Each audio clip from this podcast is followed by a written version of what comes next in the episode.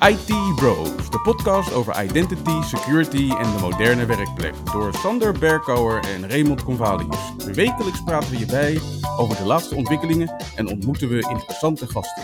Volg onze podcast op Spotify of iTunes en stel je vragen op Twitter, ITBrosNL. Ik ben Raymond Convalius. En mijn naam is Sander Berkouwer. Welkom bij aflevering 8 van seizoen 2 van de IT Bros podcast. Met deze aflevering het meest recente nieuws, aankomende evenementen en een, en een aanvulling op een eerdere productiviteitstip van Ray.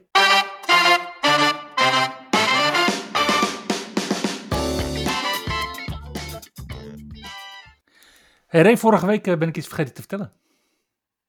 Wat ging er mis? Ja, eigenlijk ben ik iets gewoon vergeten te delen wat ik toch best wel groot nieuws vond. En dat is namelijk dat eh, Azure AD Hybrid Cloud Trust nu in eh, public preview is. Hmm, dat is volgens mij een best wel lang verwachte feature. Ik had er al een tijd geleden van gehoord.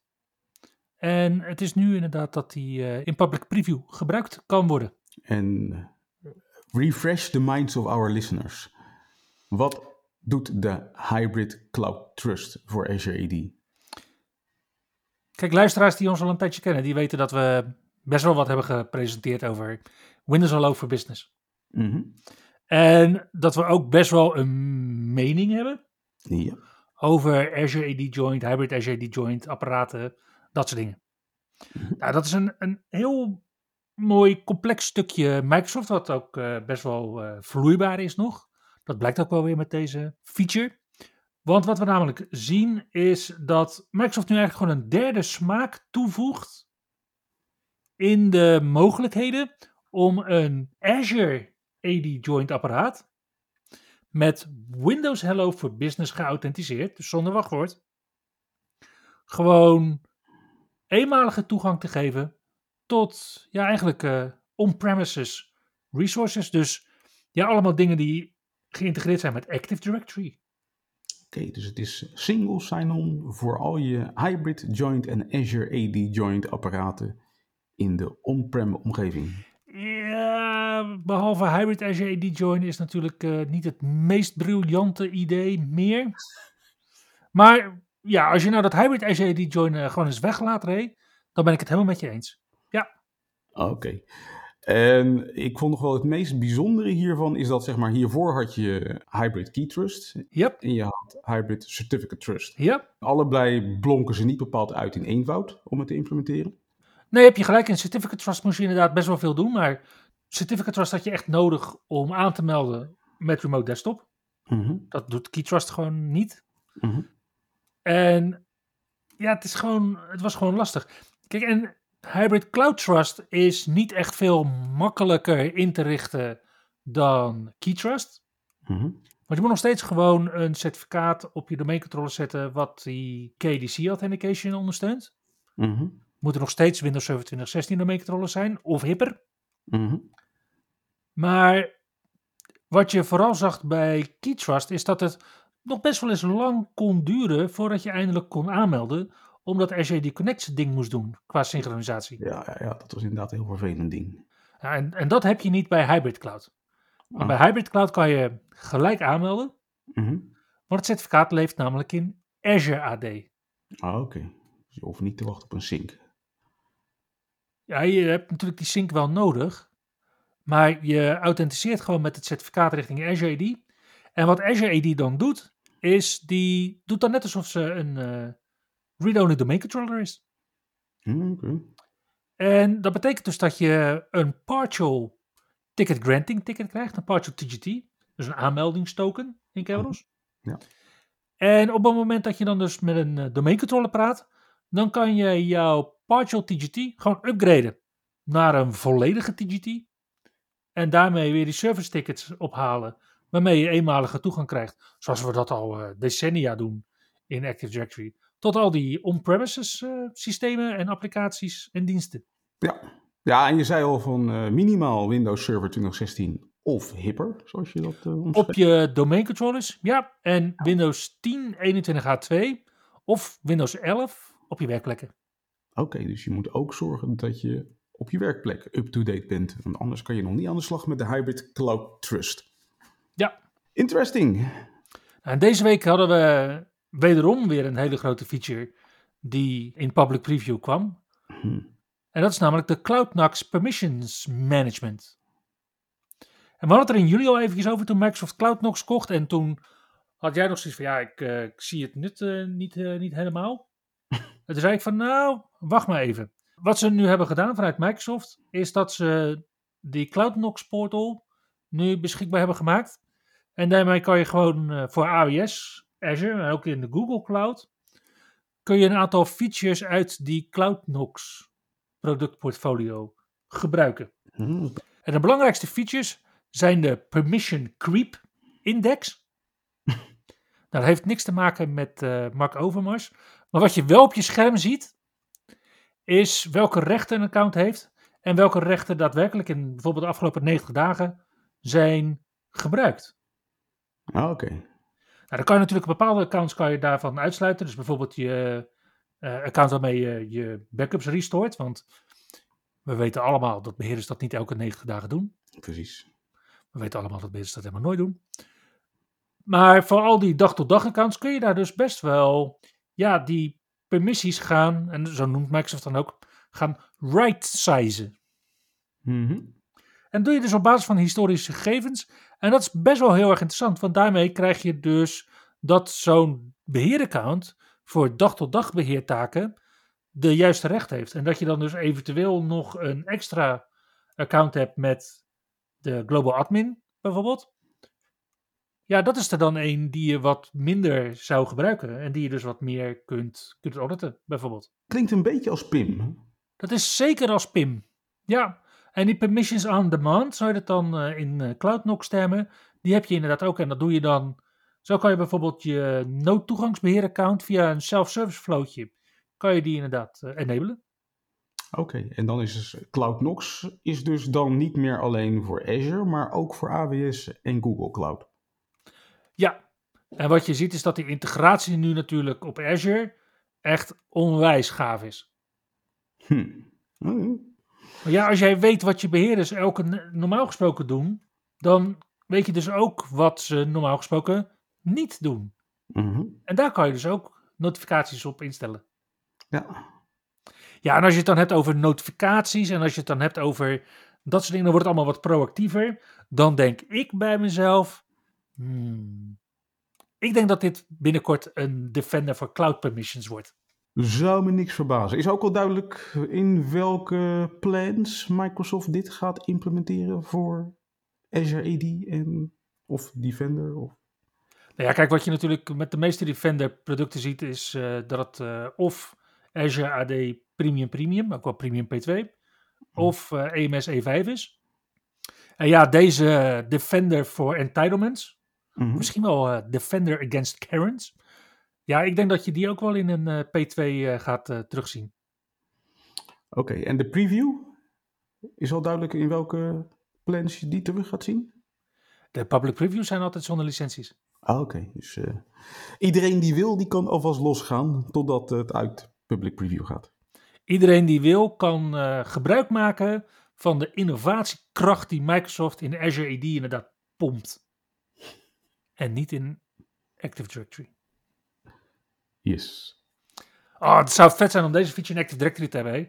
Dat denk ik ook, ja. Maar ja, goed, oh. uh, zover gaat het niet meer komen, vermoed ik. Nee, nee, bepaalde service accounts blijven, denk ik, tot in lengte van dagen domain admins. Ja. Afgelopen week uh, had uh, onze collega MVP Rudy Ooms weer eens een moment of fame. Hij yes. Heeft al meerdere moments of fame gehad de afgelopen tijd, maar hij had er deze week weer eentje te pakken waarmee hij het wereldnieuws bereikte. Hij ontdekte namelijk dat uh, de remote wipe functionaliteit van Windows 10 en Windows 11 stuk is in beeld 21H2. Mm -hmm. En als gevolg van dat gebrek, om maar even zo te noemen, in Windows 10 en 11, is het dus zo als je nu een remote wipe doet, dat er per ongeluk wel eens user data kan achterblijven na je wipe. En die userdata blijft dan achter in de Windows.old folder. Nu heeft eh, Rudy, begreep ik, daar ook een scriptje voor geschreven om dat te fixen. En het is al door meerdere media opgepakt dat dit uh, ja, er inderdaad in zit als bugje. Ik heb nog geen reactie van Microsoft gezien, maar die zal binnenkort ongetwijfeld volgen. Ja, dit, dit is er wel een waar ze actie op gaan ondernemen, denk ik. Yes. Andere acties vinden zich vooral plaats op het Windows 11 platform, waar deze week weer een nieuwe build is uitgekomen in de dev channel, namelijk build nummer 22563. Mm En zoals te verwachten, 22563 brengt niet heel veel nieuwe features, want vorige week ging Microsoft natuurlijk helemaal los met build nummer 22557, toen we mm -hmm. na mhm. drie weken eindelijk een nieuwe beeld kregen. En uh, ja, deze week in beeld 22563 is de belangrijkste nieuwe feature dat het gedrag van de taskbar op tablets iets is veranderd, waardoor ja, je een collapsed taskbar krijgt op tablets, waardoor je scherm dus iets meer ruimte overhoudt, doordat je taskbar soort van eh, minimaliseert. Ja. Tijdens normaal gebruik. Verder zitten er wat uh, minor improvements in. Maar eigenlijk de grootste ruis, kan ik het wel noemen, deze week rond Windows 11 ging over het voornemen wat vorige week door Microsoft aangekondigd om ook op Windows 11 Professional nu te gaan vereisen dat je een Microsoft-account gaat gebruiken tijdens de out-of-the-box experience. En ik kan wel zeggen, de community is not amused. Het, het idee is, je moet online zijn en je moet met een inderdaad Microsoft accounts MSA of Azure AD account moet je inloggen. Work or school account. Ja, inderdaad. Is dat wat we het nu noemen? Ach, wat lief. Moet je inloggen om een Windows 11 Professional machine te installeren. En het zou dus ook zo zijn dat je dan dus straks die installatie alleen nog maar kan doen terwijl je online bent met Windows 11. En dat is nogal lastig als je gaat imagen.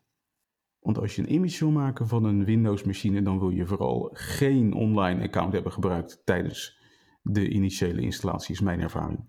Nee, je wil inderdaad ook niet uh, medewerkers vermoeien met de out-of-the-box experience. Of zoals we dat noemen, de goede blauwe schermen. ja, dat, dat Windows Autopilot White Glove, dat, uh, Klinkt wel steeds interessanter.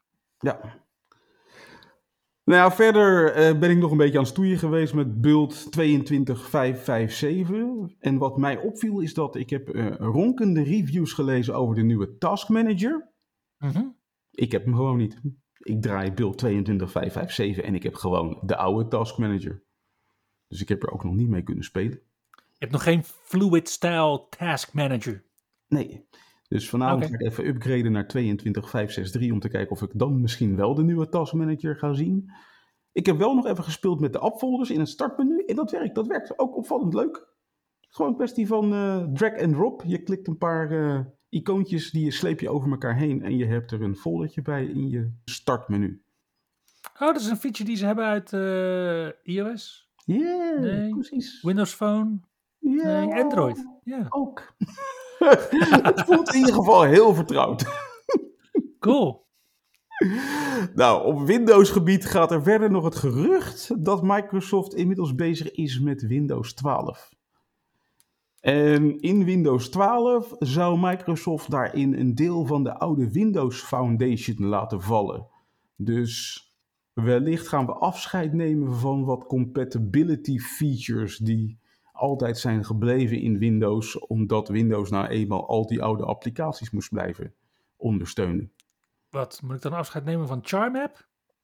Ik denk het. Oh. Verder in, uh, in Windows 12 uh, eh, gaat het gerucht dat Microsoft gebruik wil gaan maken van de security chip Microsoft Pluton. En er schijnt een belangrijke rol te zijn weggelegd voor de TPM 2.0 en Secure Boot. Ja, maar dat is, nu, dat is nu natuurlijk ook in Windows 11 al. Ja, precies. En ik denk dat het alleen nog maar belangrijker gaat worden. Ja, en we gaan natuurlijk nog meer Windows 10X terugzien in de volgende versie van Windows. Maar uiteraard, dit zijn allemaal geruchten. Nog niks is zeker. Wij weten in ieder geval van niks. Ik heb hier geen NDA mee geschonden. Het gerucht is dat dit gaat gebeuren. We gaan zien of het waar is. En het gerucht is dus ook dat Windows 11 niet de laatste versie van Windows is. ja, dat gerucht uh, kan ik beamen. Oké.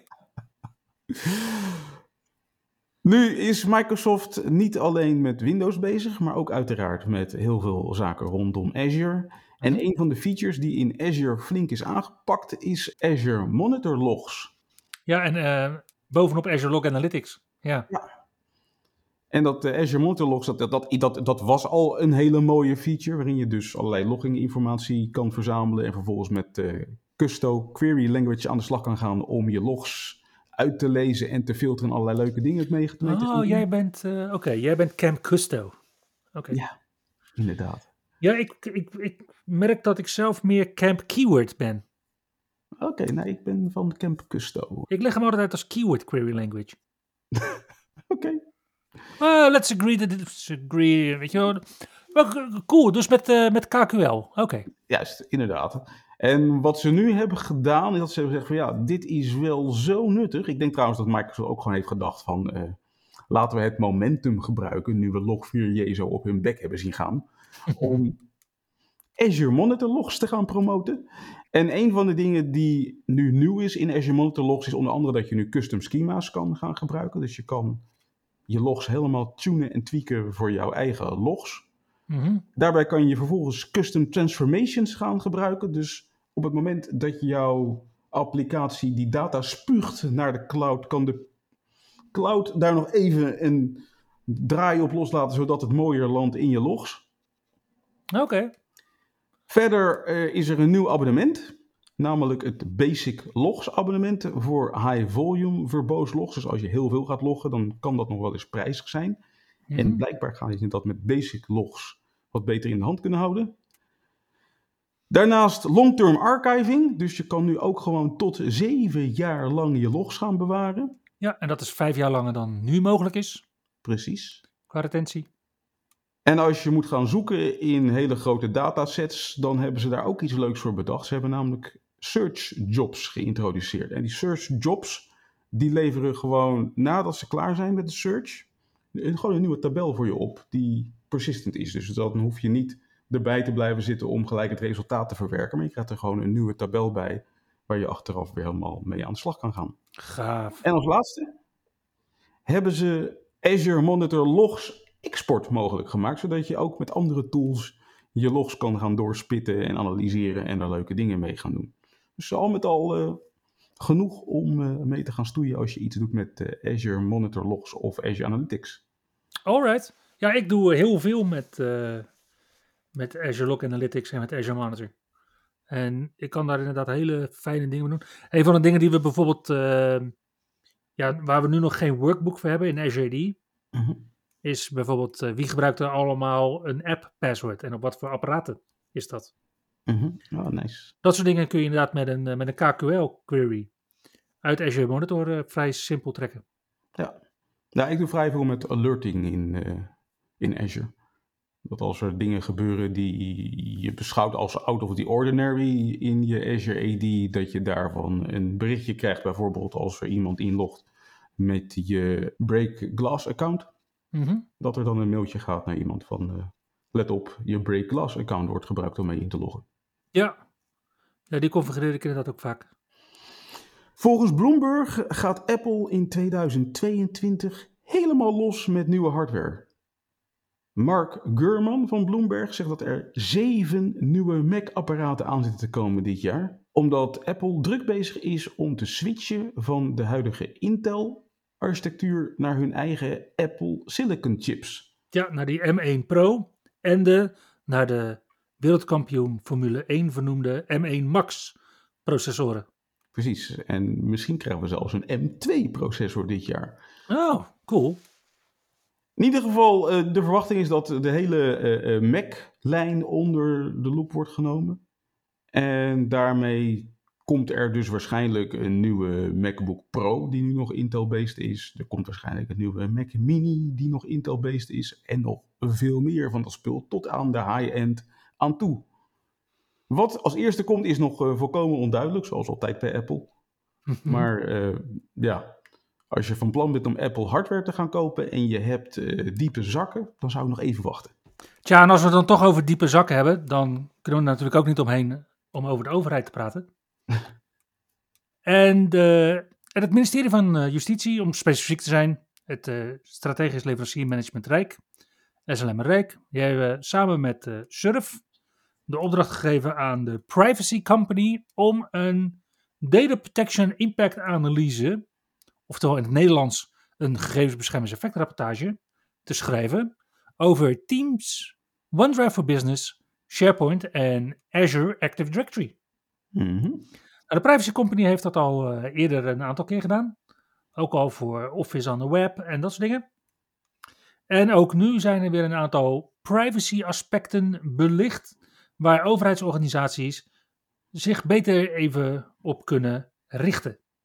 Ja. Het zijn een, uh, ja, ik heb een stevig paar schoenen aangedaan. Want dat heb je nodig als je open deuren intrapt. Ja. En ja, het, het zijn aanbevelingen van dingen als om geen gevoelige en bijzondere persoonsgegevens in teams te delen. En spelregels te maken voor het delen van dat soort uh, gegevens in Teams en OneDrive. Tot ja, de wat meer geavanceerdere features. Zoals bijvoorbeeld de end-to-end encryptie in Teams. Double key encryption. En natuurlijk de customer lockbox. Dat is toch een uh, E5 feature? Het zijn allemaal E5 features, vriend. Als je het dan toch al hebt, dan kan je ook goed met de data loss prevention aan de slag gaan, lijkt me. Ja, ja, je kan met gegevensretentiebeleid, met gegevensverliespreventiebeleid, je kan met al dat soort dingen kan je allemaal aan de slag gaan. En dat maakt overheidsorganisaties voor consultants heel erg interessant de komende jaren. Ik heb werk. Andere aanbevelingen zijn om niet langer sms te gebruiken voor multifactor authenticatie, applicaties van derde partijen in Teams te verbieden en uiteraard de telemetrieverzamelingsinstellingen als minimaal te configureren. En dan zit er natuurlijk, want de IT Bros podcast is niet altijd een goed nieuwsshow, zit er ook een aanbeveling bij waar we toch wel wat ongelukkiger van worden. Of waarvan we weten dat medewerkers bij onze klanten er wat ongelukkiger van worden. En dat is namelijk dat de privacy company er ook aanraadt om de optional connected experiences uit te zetten. Tja, dat is er eentje waar uh, inderdaad bij mijn klanten nog wel eens uh, collega's over hebben geklaagd. Ze bijvoorbeeld een uh, YouTube-film willen kunnen embedden in hun PowerPoint-presentatie, dat dat dan opeens niet meer lukt. Ja, ja dat is zo'n connected experience. Ja, en dat geldt denk ik voor wel meer van dat soort integraties die je daarmee kwijt bent. Ja. En wat mij dan opvalt, is het gaat natuurlijk over vier producten. Maar dat over het laatste product, over Azure Active Directory, eigenlijk maar één aanbeveling wordt gedaan. En dat is namelijk als de identiteit vertrouwelijk is van een uh, werknemer, dat je dan het gebruik van pseudoniemen moet overwegen. Oh, Oké. En dat is de enige aanbeveling voor Azure Active Directory. Dat is toch wel een beetje gek. Wij doen binnenkort toch die masterclass over Azure AD. Mm En ik meen dat wij dan ook nog wel even ingaan op een ander aspect van Azure AD ten aanzien van privacy en de AVG. Ja, er zitten heel veel privacy aspecten. In Azure AD in combinatie met Azure AD Connect en AD. Maar ja, de privacy company heeft nu natuurlijk alleen gekeken naar Azure AD. Hmm. Nou ja, in ieder geval luisteraars die meer willen weten, binnenkort meer in onze masterclass over Azure AD en Azure AD Connect. Uh, hebben we het al over de evenementen? Zometeen.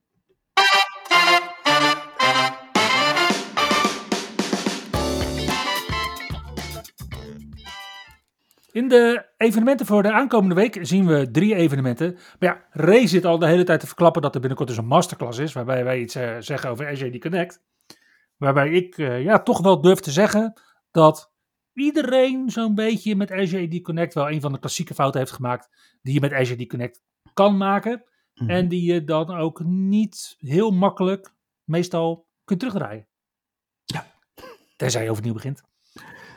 Maar die vindt pas plaats op 7 maart. Ja. En de komende week hebben we drie andere evenementen waar we ook nog even de aandacht op richten. Op dinsdag 1 maart is er weer een nieuwe aflevering van de Spring 2022 Security Webinars vanuit Microsoft. En deze keer wordt er een uur gedeeld wat er next is voor Microsoft Sentinel. Op woensdag 2 maart dan is het van 7 tot 9 uur s'avonds tijd voor de Serverless Days Amsterdam. Daar worden twee presentaties verzorgd. De eerste door Pavel Piwos, die de sessie presenteert How to deploy Lambda functions using CI/CD and IAC with AWS Stack Only. En Jan Vellin verzorgt de presentatie CQRS 3.0, de serverless solution. En heb je dan nog niet genoeg gehad, dan kun je donderdag 3 maart van 8 tot 10, en dat is net even wat afwijkend van normaal 7 tot 9, aansluiten bij Azure Thursday, elke eerste donderdag van de maand. En deze maand hebben we twee presentaties, die worden verzorgd door Sarah Lean en Kendall Roden. Al deze evenementen zijn virtueel.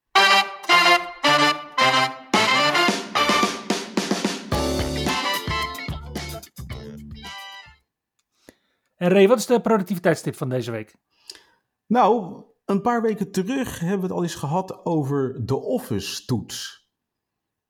Microsoft heeft namelijk in 2019 eh, geïntroduceerd dat het niet alleen handig is om een Windows-toets op je toetsenbord te hebben, maar ook om een Office-toets op je toetsenbord te krijgen. Die Office-toets die zit dan aan de rechterkant van je spatiebalk en is in plaats van een Windows-vlaggetje voorzien van een Office-vlaggetje. Helaas zijn er niet zoveel heel veel toetsenborden beschikbaar met een Office-toets, al vind je ze soms nog wel van Microsoft zelf. Maar als je geen Office-toets hebt, niet geklaagd, je kan namelijk zelf de Office-toets indrukken door gebruik te maken van de toetscombinatie Ctrl-Alt-Shift-Windows. Beetje vingergymnastiek, maar uiteindelijk lukt dat wel met die vier toetsen tegelijk. Daarna kan je met die toetscombinatie Ctrl-Alt-Shift-Windows wel weer hele leuke dingen doen. Zo kon je al, had ik het vorige keer al verteld, bijvoorbeeld in combinatie met een nummertoets uit je numerieke keypad office.com openen. Maar niet alleen dat. Je kan bijvoorbeeld ook doen Ctrl-Alt-Shift-Win, oftewel Office toets plus D, en dan open je de File Explorer in je OneDrive folder. Een andere is bijvoorbeeld uh, je Outlook kunnen openen in Inbox door de Office toets te combineren met de O van Office. Of te combineren met de P om een nieuwe slide te openen in PowerPoint. En laat me raden, dan is Office toets met W is Word. Sure, inderdaad. En Office toets met uh, T is dan Teams? Helemaal.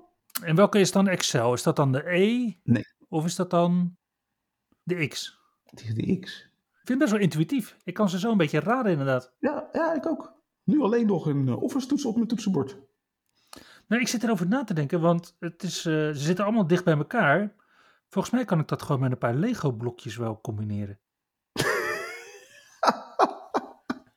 ja, of ik gebruik gewoon mijn, uh, mijn thuiswerkbudget van deze maand.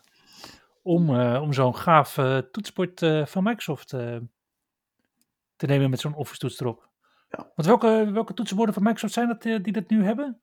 Het is uh, dat ergonomische toetsenbord. Ja. Die, die curved. Dan mm -hmm. de moderne curve. Want ik heb hier voor mij liggen een hele, hele oude curve uit 2007 of zo. Die heeft nog geen uh, Office toets. Dat noem jij oud. Ik pak dadelijk even mijn uh, beige ergonomische toetsenbord erbij van Microsoft. Uit, ik geloof, 93. Die heb ik ook nog gehad. Maar de, die, die, die heb ik uiteindelijk vervangen door deze zwarte. ook wel heel En daarnaast is er nog een toetsenbord dat heet volgens mij gewoon het uh, Microsoft Wireless Keyboard of zo. En die heeft ook mm -hmm. de Office toets erop. Oké, okay, ja, en als ik dan even snel een, uh, een prijsindexatie doe, dan zit je tussen de 52 en de 60 euro te kijken. Ja. Voor toch wel hele fijne toetsenbordjes van Microsoft. Waar je dus niet met je vingers in allerlei onmogelijke posities hoeft te manoeuvreren. Maar gewoon een Office toetsje hebt. En anders doe je toch gewoon Ctrl-Alt-Shift-Windows. Gewoon. en daarmee komen we gewoon tot het einde van deze podcast. Dankjewel voor het luisteren. En tot de volgende keer. Tot de volgende keer. Je luisterde naar IT Bros, de wekelijkse podcast over identity, security en de moderne werkplek. Abonneer je op Spotify, iTunes of Google Podcast als je de volgende aflevering niet wilt missen. Heb je hints of tips? Laat dan van je horen op Twitter. @itbrosnl.